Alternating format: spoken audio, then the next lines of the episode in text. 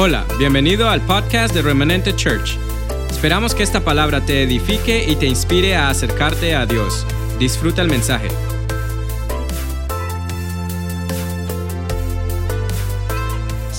Ok, ahora sí, creo que ya estamos listos para la palabra.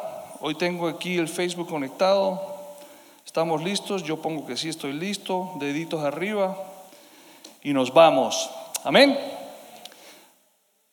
Eh, ¿A cuánto les gustan las películas? Levanten sus manos. Who likes movies? Do you like movies? Watch movies, Netflix. Yo veo Netflix, yo veo películas, me gusta cuando tengo tiempo. Las películas yo me las veo en tres días, más o menos tres o dos días. Cuando me va bien, dos días, porque la empiezo y tengo que parar porque me duermo y al día siguiente cuando me acuesto vuelvo y la pongo y ahí me la termino, ¿verdad? Mi esposa sabe que es verdad, no les miento, llego a la casa tan cansado que me duermo. Pero bueno, a mí me gustan las películas. Hay una película muy, tiene sus añitos ya. Eh, en inglés se llama Die Hard, con Bruce Willis. Imagínense, esta película, yo no me acordaba el nombre del actor, la pastora se acordó y me lo dio. Pero bueno, eso no quiere decir nada, ¿no? No estoy diciendo nada, ¿verdad? Pero esta película tiene sus añitos. No había nacido, sí, no, no, no había nacido.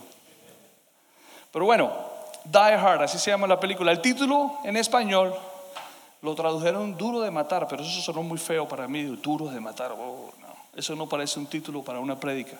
Entonces lo modificamos un poquito y lo colocamos como título duro de morir.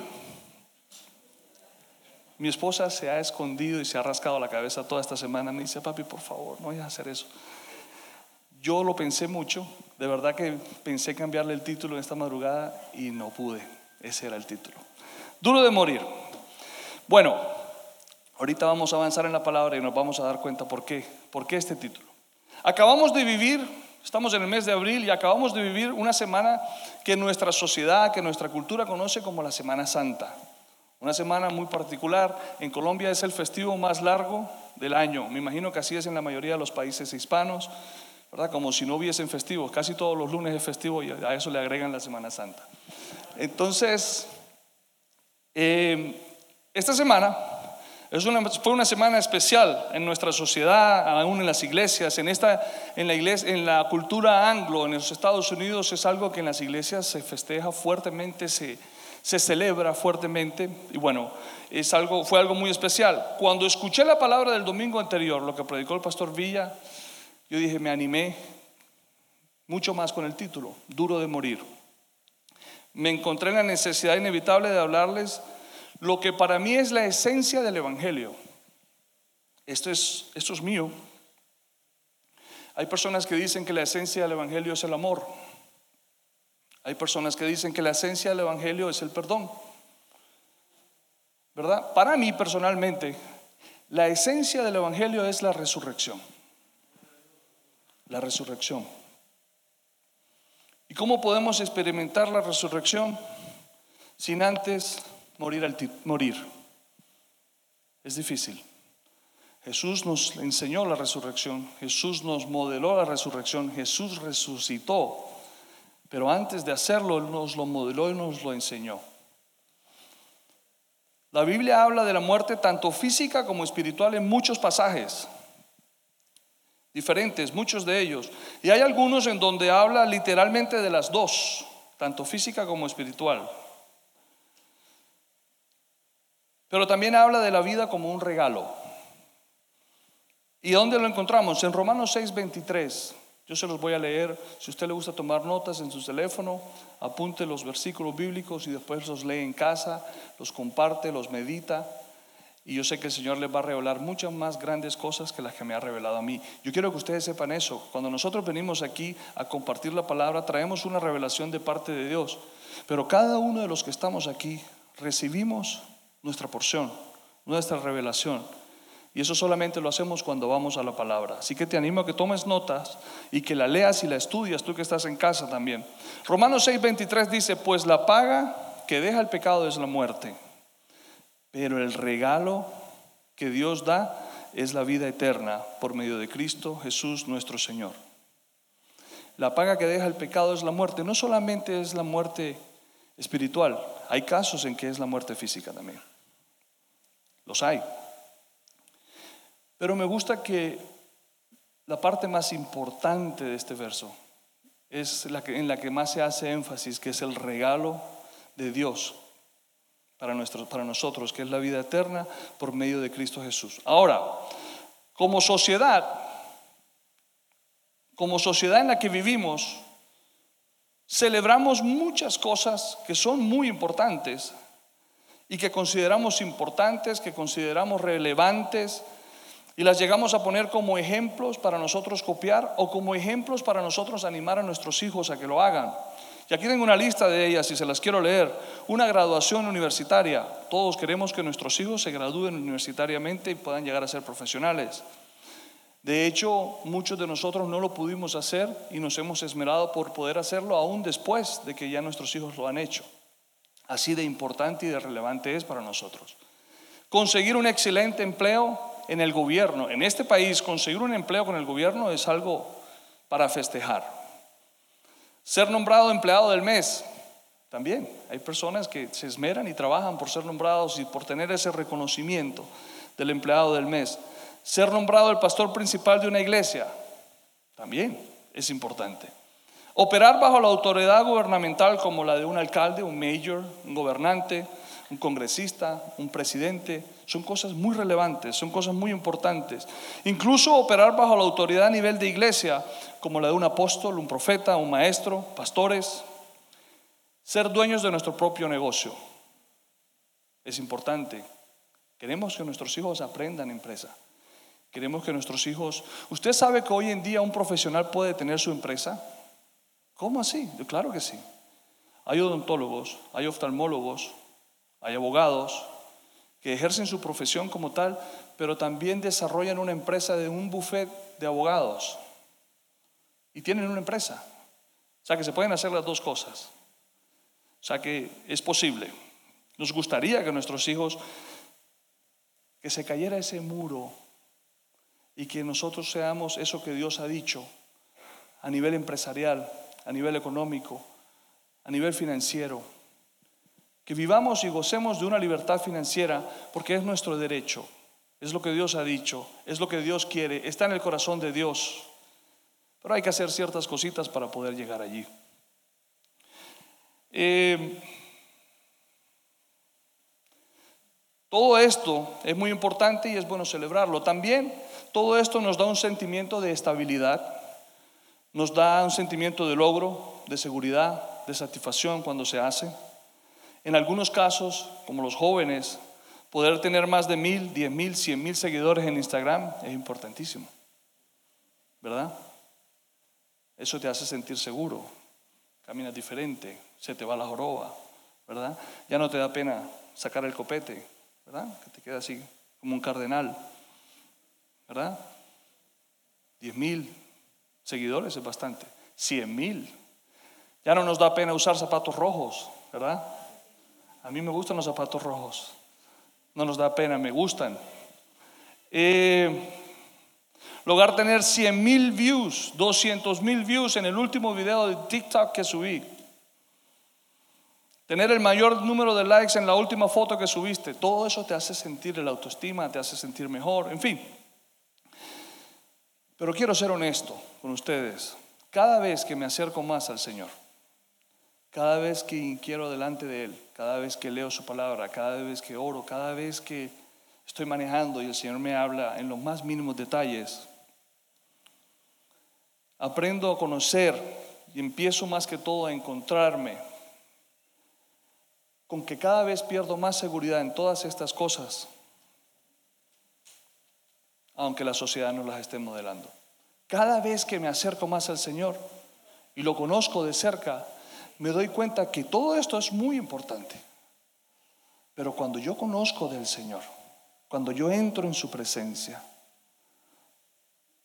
cuando llego a la línea de batalla y no tengo cómo enfrentarme ante el gigante, pero le obedezco y me paro allí, y el gigante cae rendido delante de mí, entonces los títulos, los logros que me daban cierta sensación de seguridad y de estabilidad, pasan a un segundo plano.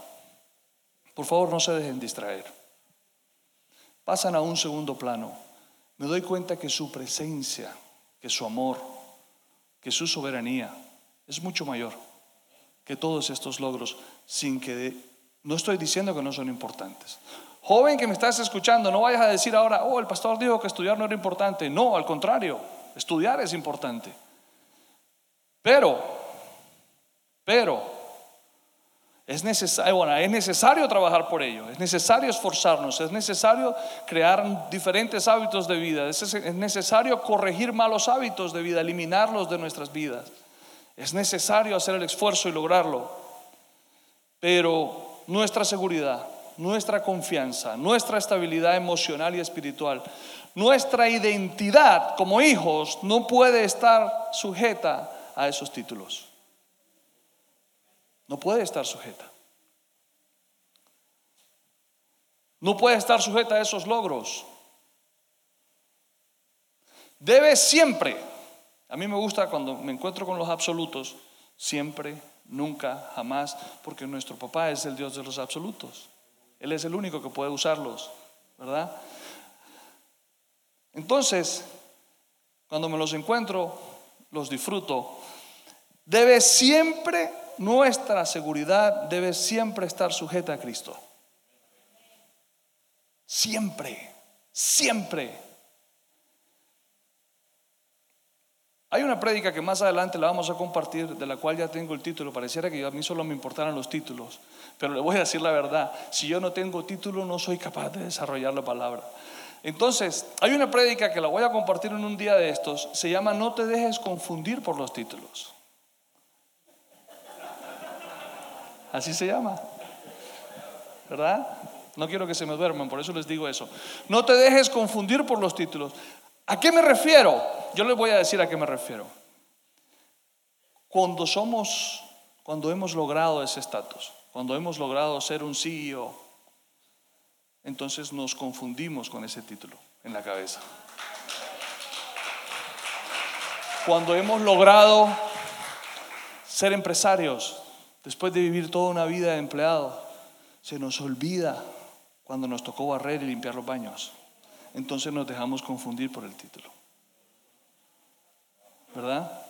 Cuando hemos, a un nivel de iglesia, cuando hemos logrado ser pastores o apóstoles, entonces nos confundimos por el título y creemos que tenemos más derecho que otros, cuando es todo lo contrario. Todo lo contrario. Tenemos los mismos derechos y las mismas responsabilidades. Usted sabe que cuando usted llega a un lugar de autoridad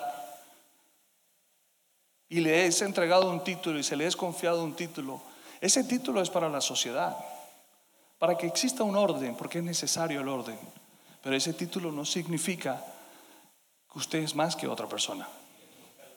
Ese título significa que usted ha sido llamado para servir a los demás. Amén. Entonces, no te dejes confundir por los títulos, ¿ok? Aunque a mí me gustan los títulos, pero no te dejes confundir. Ok. ¿Qué dice Hebreos 12, 1 y 2? Dice, por lo tanto, ya que estamos rodeados de una enorme multitud de testigos, todos los que estamos aquí, de la vida de la fe, quitémonos todo peso que nos impida correr.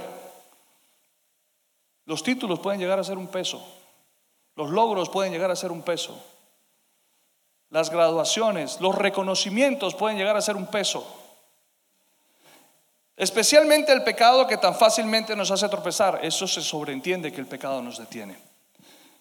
Y corramos con perseverancia la carrera que Dios nos ha puesto por delante. Esto lo hacemos al fijar la mirada en Jesús. Me gusta esta parte que dice el campeón. Nueva traducción viviente, si la quieren buscar y la leen, así dice, no me lo estoy inventando. Dice, esto lo hacemos al fijar la mirada en Jesús, el campeón, que inicia y perfecciona nuestra fe. Debido al gozo que le esperaba, Jesús soportó la cruz sin importarle la vergüenza que ésta representaba. Ahora está sentado en el lugar de honor junto al trono de Dios. Por eso, nuestra identidad, nuestra estabilidad, nuestra sensación de seguridad debe estar apoyada 100% en Jesucristo. Amén. Ok, habiendo dicho eso, gusta la historia en Lucas, cuando Jesús está entrando, esa entrada triunfal de Jesús a Jerusalén, cuando viene de Betania, un, trayecto más o menos de dos millas y viene montado sobre este burrito que nadie había, lo había usado antes y él está entrando y la gente tira sobre él los mantos y las ramas las mueven y lo están recibiendo con ese amor, con esa alegría, como ese sobre el cual debemos sentar toda nuestra confianza. Y dice la palabra en, Lucas 19 que a medida que Jesús avanzaba, la multitud tenía sus prendas sobre, tendía sus prendas sobre el camino delante de él. Cuando llegó donde comienza la bajada del monte de los olivos, todos sus seguidores empezaron a gritar y a cantar mientras alababan a Dios por todos los milagros maravillosos que habían visto, especialmente el de Lázaro. Esa gente había visto a Jesús resucitar a Lázaro. Bendiciones al Rey que viene en el nombre del Señor, paz en el cielo y gloria en el cielo más alto. Eso era lo que el pueblo quería en ese momento. Eso era lo que la sociedad en ese momento estaba demandando. Estaban demandando un rey. Querían un rey. Querían que viniera un rey y los libertara una vez más. Querían que viniera un rey y gobernara sobre ellos. Querían que viniera un rey como lo fue el rey David, como lo fue Salomón. Ellos, eso era lo que la sociedad, cuando la sociedad decía bendiciones al rey, era porque ellos estaban esperando que ese rey llegara y los libertara del yugo de los romanos. Entonces ellos lo clamaban, lo aclamaban y lo levantaban como rey. Estaban acostumbrados a eso, querían eso. De acuerdo a su historia, solamente hablaban de eso en sus casas cuando tomaban café con pan. Solamente hablaban de cuándo va a venir el rey. ¿verdad? Cuando tomaban cafecito con pan, los que toman café con pan, yo lo hago. Algo así como lo hizo con el rey David. Sin embargo, si yo me voy a Lucas 19:41, dice, al acercarse a Jerusalén, Jesús vio la ciudad delante de él y comenzó a llorar. Imagínense este cuadro, él está entrando, lo están recibiendo triunfal, es una entrada triunfante, le están festejando, lo están aclamando como el rey, ha llegado, ya llegó, está aquí, Bienvenido seas, tiraban todo delante de él, este es el que va a gobernar sobre nosotros. Y él los vio, incluso hubo gente que les dijo, no los dejes que digan eso, es una blasfemia. Y él les dijo, pero si yo les digo que se callen, las rocas van a cantar, van a hablar, van a decirlo. No podía evitar que la gente lo dijera, mas cuando ya está entrando, empieza a llorar. ¿Por qué? ¿Por qué llora Jesús? Dice, Jesús en la, en la palabra, ¿cómo quisiera que hoy tú, le hablaba a Jerusalén y a su pueblo, ustedes saben con quién hablaba él, consigo mismo. Nadie iba al lado de él. Él hablaba consigo mismo mientras miraba la ciudad. En la entrada de la ciudad y decía, ¿cómo quisiera que hoy tú entre todos los pueblos entendieras el camino de la paz? El camino de la paz es el camino de la felicidad, es el camino de la plenitud. Tú puedes vivir feliz y pleno cuando tienes paz, no cuando tienes dinero, no cuando tienes riquezas, no cuando tienes propiedades. Cuando tienes paz, puedes vivir pleno, puedes vivir feliz, una vida plena y abundante. Vino a traer a Jesús. Entonces Jesús lloraba y decía, ¿cómo quisiera que hoy tú entre todos los pueblos entendieras el camino de la paz? Pero ahora es demasiado tarde y la paz, la felicidad, la plenitud está oculta a tus ojos. No pasará mucho tiempo antes de que tus amigos construyan murallas que te rodeen y te encierren por todos los lados. ¿Por qué dijo esto? ¿Por qué dijo que era tarde para alcanzar el camino de la paz, de felicidad, de plenitud sobre su pueblo? ¿Por qué lo dijo? El 44 nos lo dice. 19:44 dice, te aplastarán contra el suelo y a tus hijos contigo. O sea, no solamente a los que ya existían, sino a la generación venidera. Eso es lo que quiere decir a tus hijos contigo. Tus enemigos no dejarán una sola piedra en su lugar porque no reconociste cuando Dios te visitó. Por eso lo dijo. ¿A cuántos de nosotros nos puede estar pasando eso? ¿A cuántos de nosotros nos puede estar pasando que no reconocemos al Señor, que no reconocemos a ese Rey, que no reconocemos al Creador, que no reconocemos a Dios en nuestras vidas? ¿A cuántos nos puede estar pasando esto? Mas sin embargo estamos anhelando el camino de la paz. Estamos anhelando la felicidad. Estamos anhelando la plenitud. Estamos anhelando la libertad financiera. Pero ¿cuántos de nosotros estamos diezmando? Estamos anhelando la libertad financiera, estamos anhelando una, empresa, estamos anhelando un negocio, estamos anhelando tener tranquilidad para pagar la universidad de mi hijo. Pero ¿cuántos estamos diezmando? Porque cuando tú no diezmas, y no sé por qué me metí por aquí, ¿verdad? Pero ya voy a encontrar el camino en la paz otra vez. Cuando tú no diezmas, cuando no ofrendas, ahí está escrito, yo sé que lo voy a encontrar. Cuando no diezmas y cuando no ofrendas, entonces no reconoces al Señor en tu vida.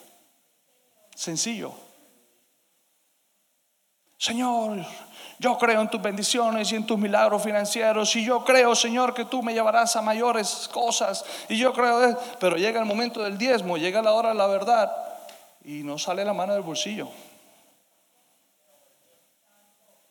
Me invade el temor, ¿verdad? Entonces no estás reconociendo al Señor. Vamos al camino de la paz, no nos quedemos ahí. Por eso la importancia de que nuestro corazón no sea engañado por las costumbres de nuestra sociedad, por los deseos de nuestro corazón mismo. Deuteronomio 11:16 dice, pero ten cuidado. Otra vez, los que les gusta tomar notas, apúntenlo. Deuteronomio 11:16. Pero ten cuidado, no dejes que tu corazón sea engañado y entonces te alejes del Señor y sirvas y rindas culto a otros dioses. Como el Dios de los títulos. Usted sabe que hay gente que cuando se presenta dicen, yo soy el presidente de Tapita Verde. Mucho gusto, mi nombre es, pero primero dijo que era el presidente. Usted sabe que hay gente dueña de negocios que dicen, mucho gusto, yo soy el dueño de Tapita Verde, Juan Carlos Uribe, o sea, toda la introducción. Porque si no dice que es dueño, no se siente seguro. ¿Qué pasaría si dijéramos, mucho gusto, yo soy el Hijo de Dios, Juan Carlos Uribe? Oh, no lo hemos pensado, ¿verdad? ¿Qué pasaría si dijera, mucho gusto, yo soy el Hijo de Dios, Juancho Gómez? Le sirvo al Señor como el director de alabanzas en la iglesia, estoy para servirte. Oh, director de alabanza de la iglesia, es hijo de Dios y me quiere servir. A eso nos llamó el Señor. A servir. A servir. Pero ten cuidado, no dejes que tu corazón sea engañado por los títulos. No te dejes confundir por los títulos. Y entonces te alejes del Señor y sirvas y rindas culto a otros dioses, como el Dios del dinero, como el Dios del ego, como el Dios del orgullo. Amén. ¿Ustedes saben a quién le pasó eso? ¿Ustedes saben a quién se confundió por los títulos? A un hombre que se llama Saulo en la Biblia. El hombre estaba súper preparado. Tenía todas las tesis que se podían tener en ese entonces sobre sus hombros y en su cabeza. En Barranquilla no, pero en Cali sí. Se dice que era un topadito. Estaba preparado, estaba más preparado que un yogur. Usted sabe que un yogur puede durar meses en la nevera y no se daña. Así estaba Saulo. Preparadísimo. Súper preparado. En Hechos habla de eso, cuando era Saulo. Dice que el hombre perseguía. En ese entonces le llamaban a la iglesia cristiana a los del camino los del camino de la paz. Así le hablaba, así se llamaban. Y él los perseguía para matarlos, porque la ley decía que había que matarlos. Y los traía encadenados de regreso a Jerusalén cuando los iba a buscar a otros lugares. Él, se codiaba con los altos rangos, en donde a él le daban la autorización para que fuese a otras ciudades allegadas a donde él estaba para ir a traer a la gente. Y cuando él estaba entrando, aquí lo tengo, se los voy a leer rapidito, en Damasco, para cumplir esa misión, una de las tantas. No le él no le importaba mujeres, ancianos, niños, todos los veía por igual. Y cuando estaba entrando en Damasco para cumplir la misión, una luz del cielo de repente brilló alrededor de él y Saulo cayó al suelo. Y oyó una voz que le decía, Saulo, Saulo, ¿por qué me persigues? Ustedes saben quién era esa luz, Jesús. Solo Jesús puede iluminar el camino que necesitamos que sea iluminado en nuestras vidas. Esa luz del cielo vive en nosotros y puede iluminar nuestro camino si lo buscamos a Él. Si no dejamos que nuestro corazón se engañe, entonces vamos a poder disfrutar de esa luz, la cual Saulo no conocía. Saulo, entendido en gobierno, dijo enseguida, ¿quién eres, Señor? Enseguida lo puso, no, título, este es un Señor. Me tumbó el caballo Todavía estoy buscando la placa del bus que me atropelló, no la veo. Este hombre me arrastró, ¿no? Y me está hablando y no lo veo por ningún lado. Entonces este es mayor que yo. ¿Quién eres, Señor? ¿Verdad? Yo soy Jesús, a quien tú persigues. Ahora levántate, entra en la ciudad y te diré lo que tienes que hacer. Increíble. La historia más adelante ustedes la pueden leer en casa, en Hechos 9. Un hombre Ananías, un hombre común y corriente, que no tenía perjuicio de títulos, seguramente porque no tenía ningún título. Dice que era un creyente normal. El Señor se le presentó y le dijo, hay que ir donde está Saulo y hay que orar por él para que su vista sea recobrada. Y él dijo, Señor, yo, si hasta donde yo tengo entendido me está buscando a mí y a todos los de nosotros. Y el Señor le dijo, sí, tú. Léala, es linda esa historia. ¿Qué me muestra a mí esto? Que Dios está en control de todo. Que Dios tiene un plan con nosotros, que Dios tiene un propósito con nuestras vidas, que hay un destino para cumplir para cada uno de nosotros. Mas es necesario cuidar nuestro corazón para que no sea engañado. Y aun si fuese engañado, no se vayan a sorprender si el Señor los tumba del caballo, como se dice. Y queden ciegos, porque eso le pasó a Saulo. Quedó ciego, el hombre quedó ciego, quedó débil, quedó rendido. No comía por tres días, no comió por tres días. Él estaba sumergido en una depresión absoluta. El Señor lo llevó a lo más profundo. El hombre tocó fondo como jamás se imaginó en su vida. Dice Pablo, ya siendo Pablo, en Filipenses 3.1 dice, mis amados hermanos, pase lo que pase, alégrense en el Señor. Nunca me canso de decirles estas cosas y lo hago para proteger tu fe. Aunque pase pandemia, vivamos alegres en Dios. Aunque estemos en medio de pandemia, vivamos alegres en el Señor.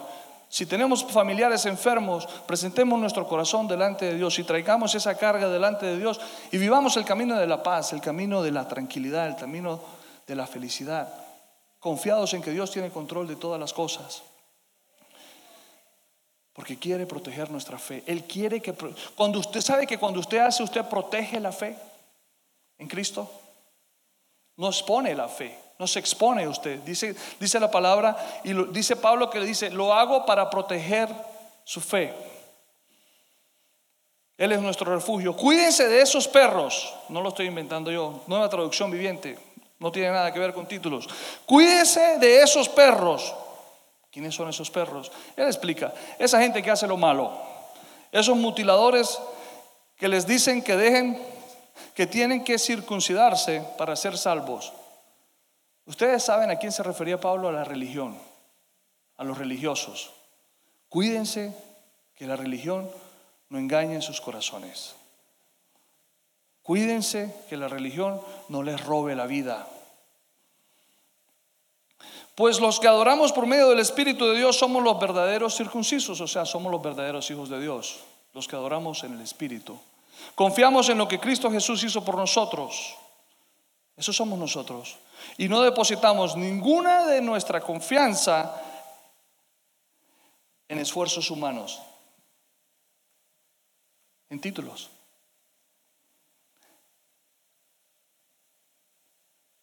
Pero es duro de morir el título de hoy.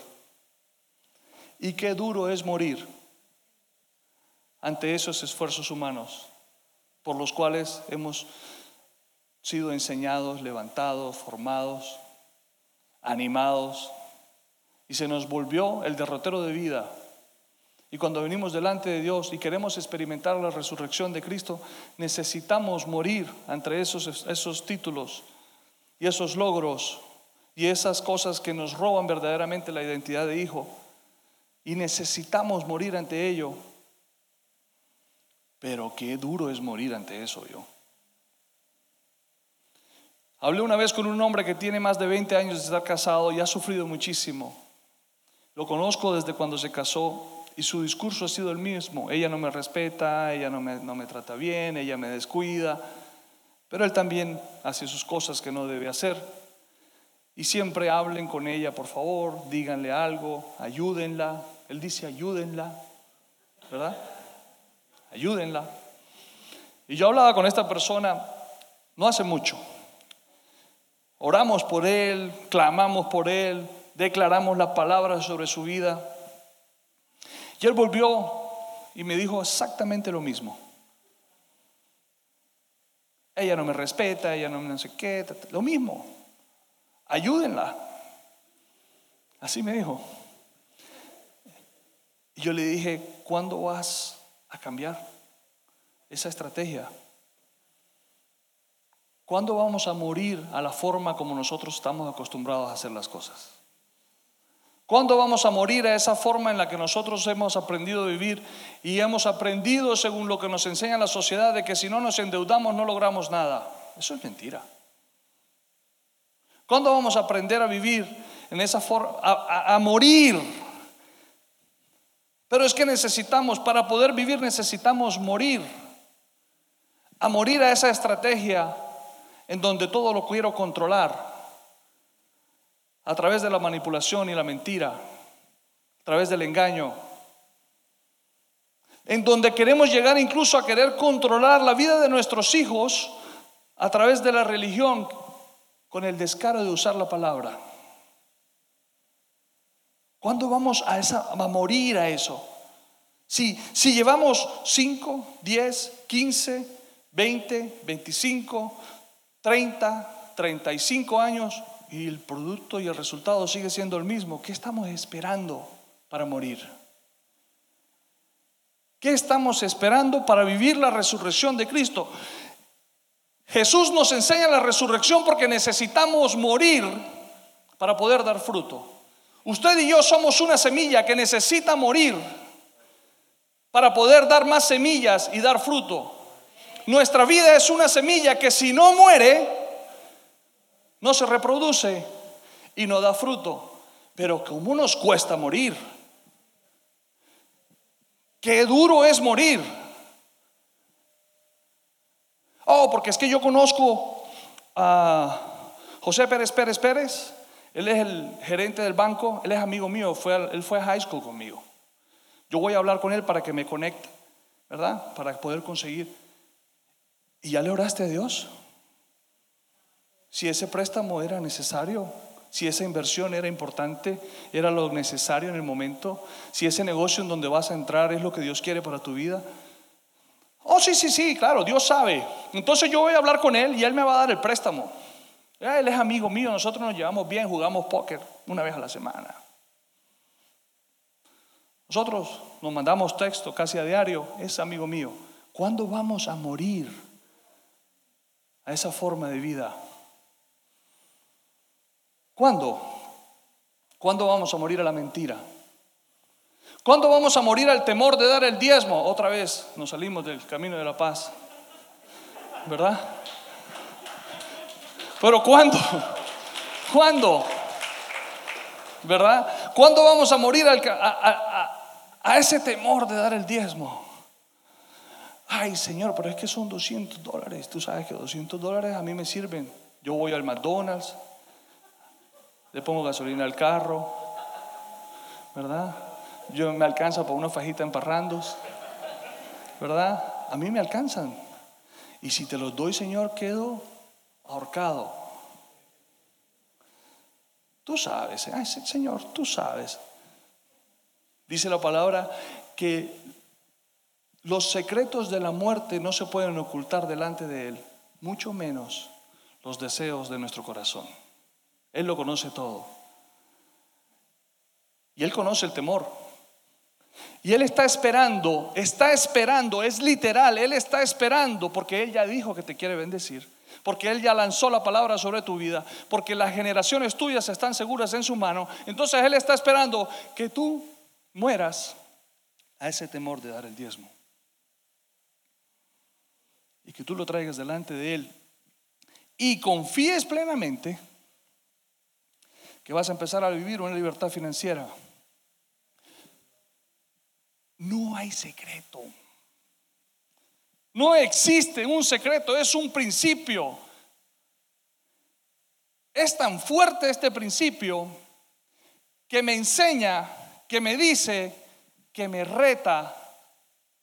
Imagínense, el Señor nos reta y dice, pruébeme en esto, cabezones.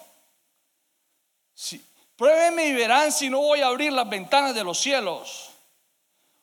Las ventanas de los cielos fueron abiertas sobre Jesús. Jesús caminó a cielo abierto aquí en la tierra y Dios quiere hacer lo mismo contigo y conmigo. Pruébenme en esto y verán si no abriré las ventanas de los cielos y los bendeciré hasta que abunde. No, hasta que sobreabunde. O sea, va a abundar, pero va a sobrar.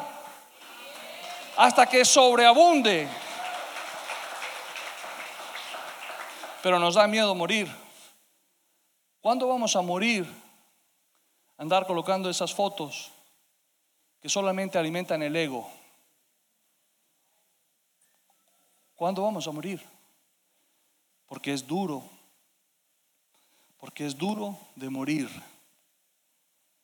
porque no es fácil, pero si creemos en la resurrección, porque creemos que Jesucristo murió en la cruz, pero resucitó porque creemos que Jesucristo está sentado en los lugares celestiales, al lado, a la derecha de Dios, porque creemos en Dios, porque si usted y yo somos salvos es porque creemos en la resurrección, ¿verdad? Pero no queremos vivir la resurrección. Por eso para mí la resurrección es la esencia del Evangelio, porque todos los días yo tengo que morir. ¿Quiere que les abra mi corazón? ¿Me das permiso, mi amor? Me va a portar bien. Me organicé para hacer unas vacaciones familiares. Estaba feliz. Yo estaba como un niño. Yo brincaba en un pie. Yo me imaginaba con los nietos arriba, para abajo. Me llevo a mi mamá, me llevo a mi papá. Feliz. Pero feliz. Vacaciones familiares como nunca las he vivido. Sí, mami, vamos a hacerlo. Dios nos está bendiciendo. Puedo, puedo hacerlo si me esfuerzo aquí y hago esto y hago esto. Y ella feliz también. Allá cuando le dicen que hay que agarrar el pasaporte, habla en lenguas, ¿verdad? Ella súper espiritual, ¿no? Es impresionante, ¿no? Y se para frente al closet ese que tiene de zapatos y dice, soy feliz, ¿no? Y los empieza a mirar y a mí me gusta verla feliz, a mí me hace feliz. Listo, mi amor, nos vamos y esto y lo otro.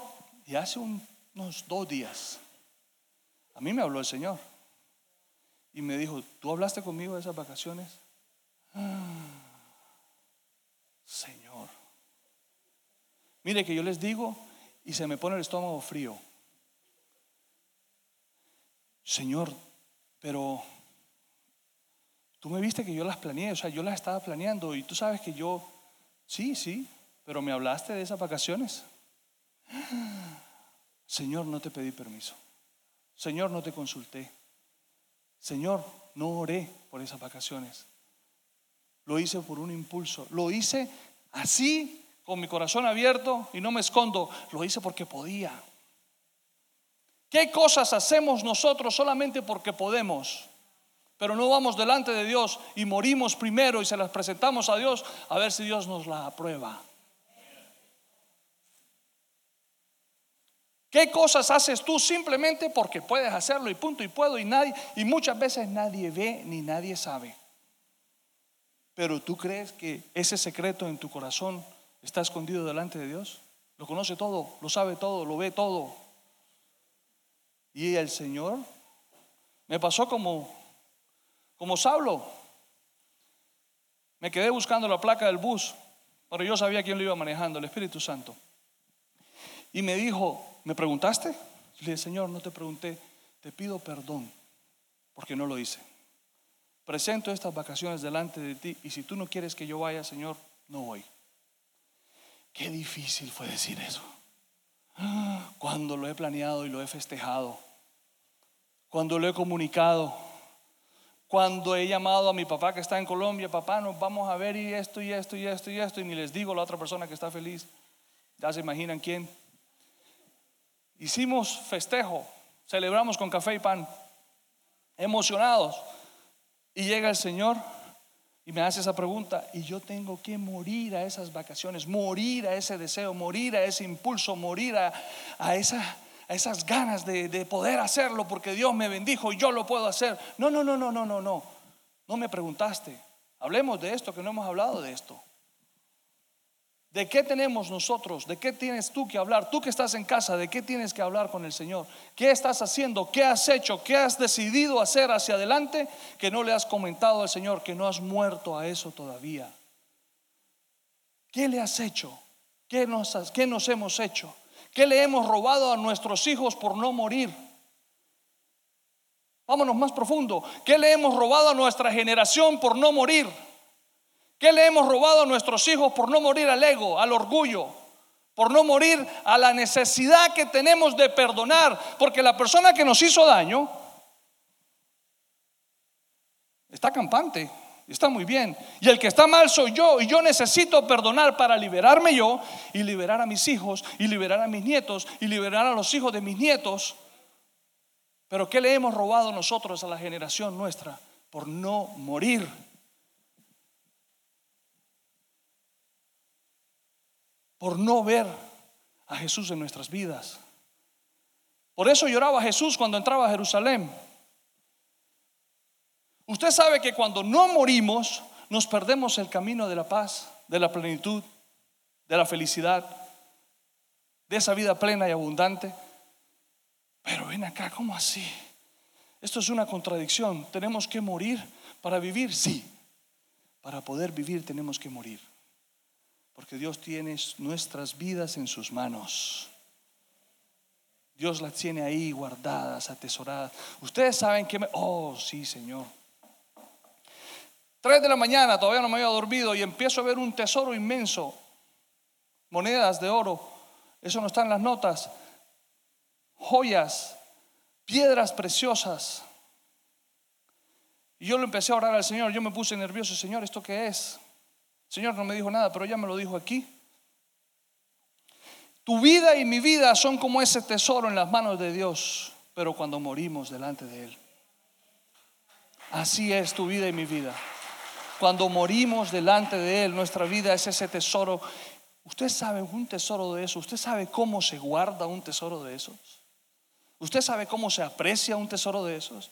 ¿Usted sabe cómo se protege un tesoro de esos? ¿Usted sabe con quién usted se da en la cara, como se dice, por un tesoro como esos?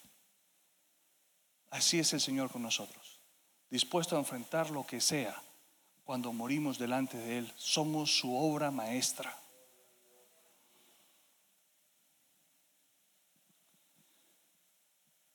Pablo habla que estaba más preparado que un yogur y ya me tengo que ir. Me gustaría que la alabanza subiera. Vamos a tener que hacer parte 2 de esto.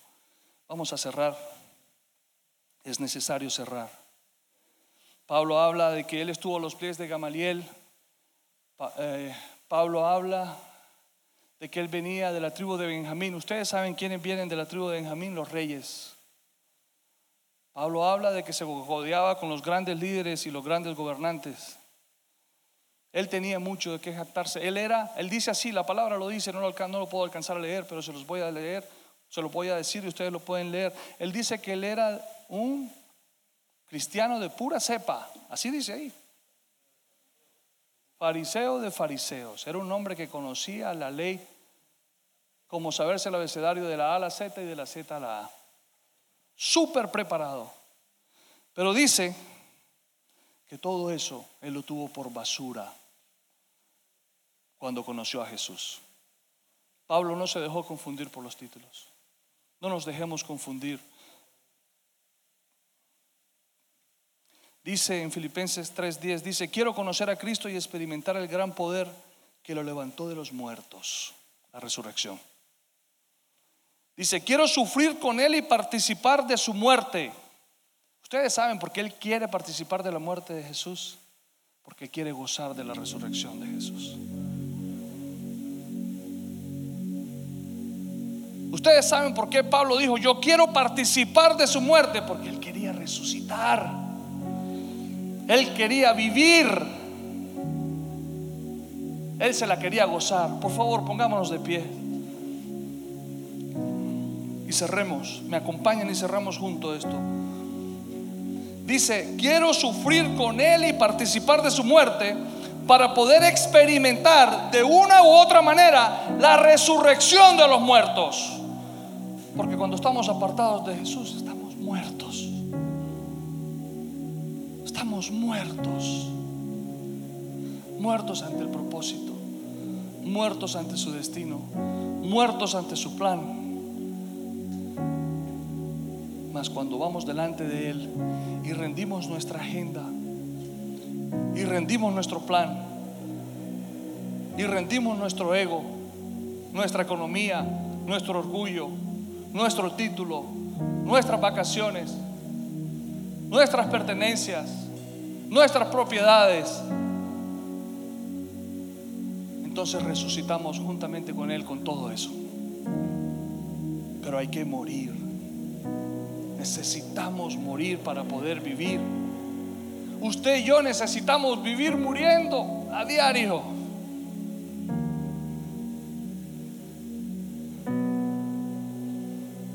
No, amados hermanos, no lo he logrado, decía Pablo, pero me concentro únicamente en esto y olvido el pasado. Él no se dejaba culpar más del pasado por todas esas muertes y esa gente que él llevó a la cárcel y que también asesinó. Él no se dejaba culpar de eso porque Él ya había resucitado en el perdón de Jesucristo en la cruz. Él había sido redimido porque ya Él no era Saulo, era Pablo. Y fijo la mirada en lo que tengo por delante no nos podemos dejar de distraer.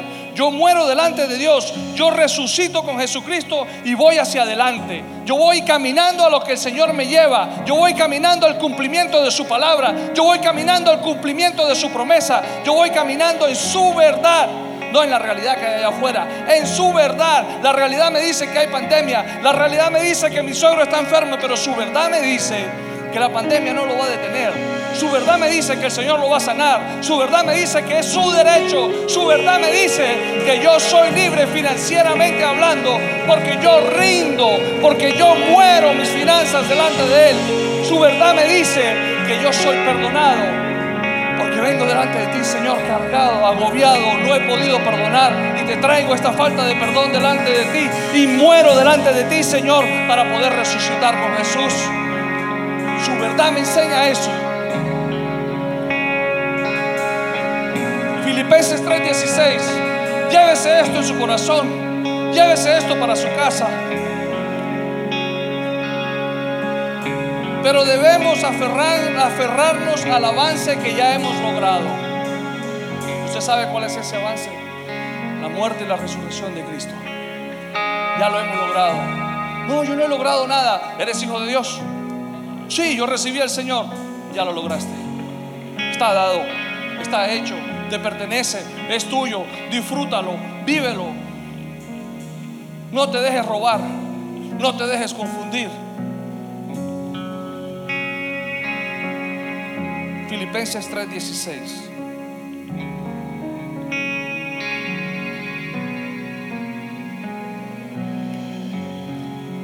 Nos enfocamos en las cosas que más nos impresionan y nos, nos olvidamos de las cosas que son más importantes.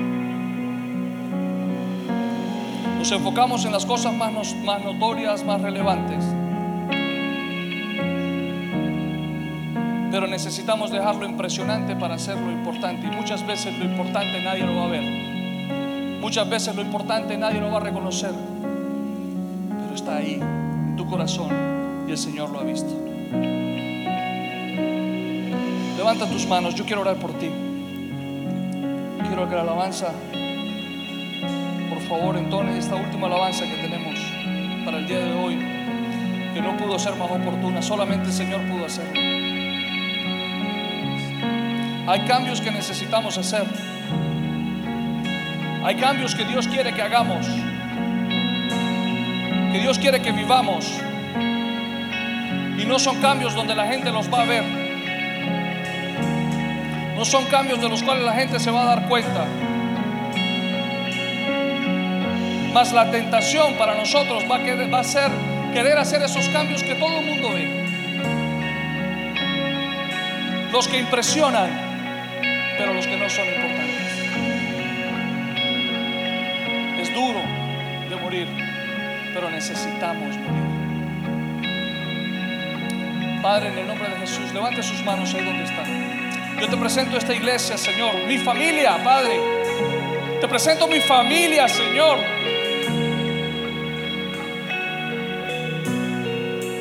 Estas familias aquí que me has dado responsabilidad, te las presento, Señor, delante de ti.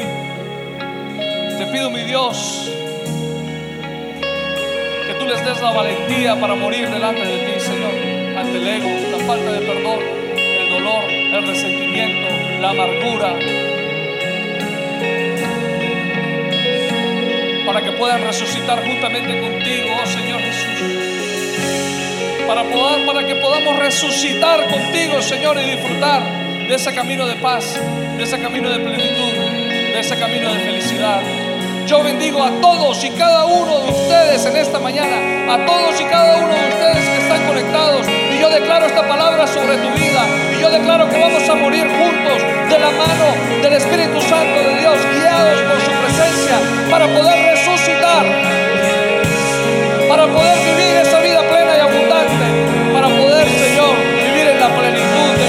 la paz, Señor. Yo oro por los jóvenes de esta casa y reprendo todo espíritu inmundo que quiera venir a robarse el plan y el propósito. Hecho fuera toda drogadicción, Señor, todo mal hábito de sus vidas y declaro libertad absoluta. Morimos ante la tentación de las drogas, de la fornicación, del sexo ilícito, del alcohol,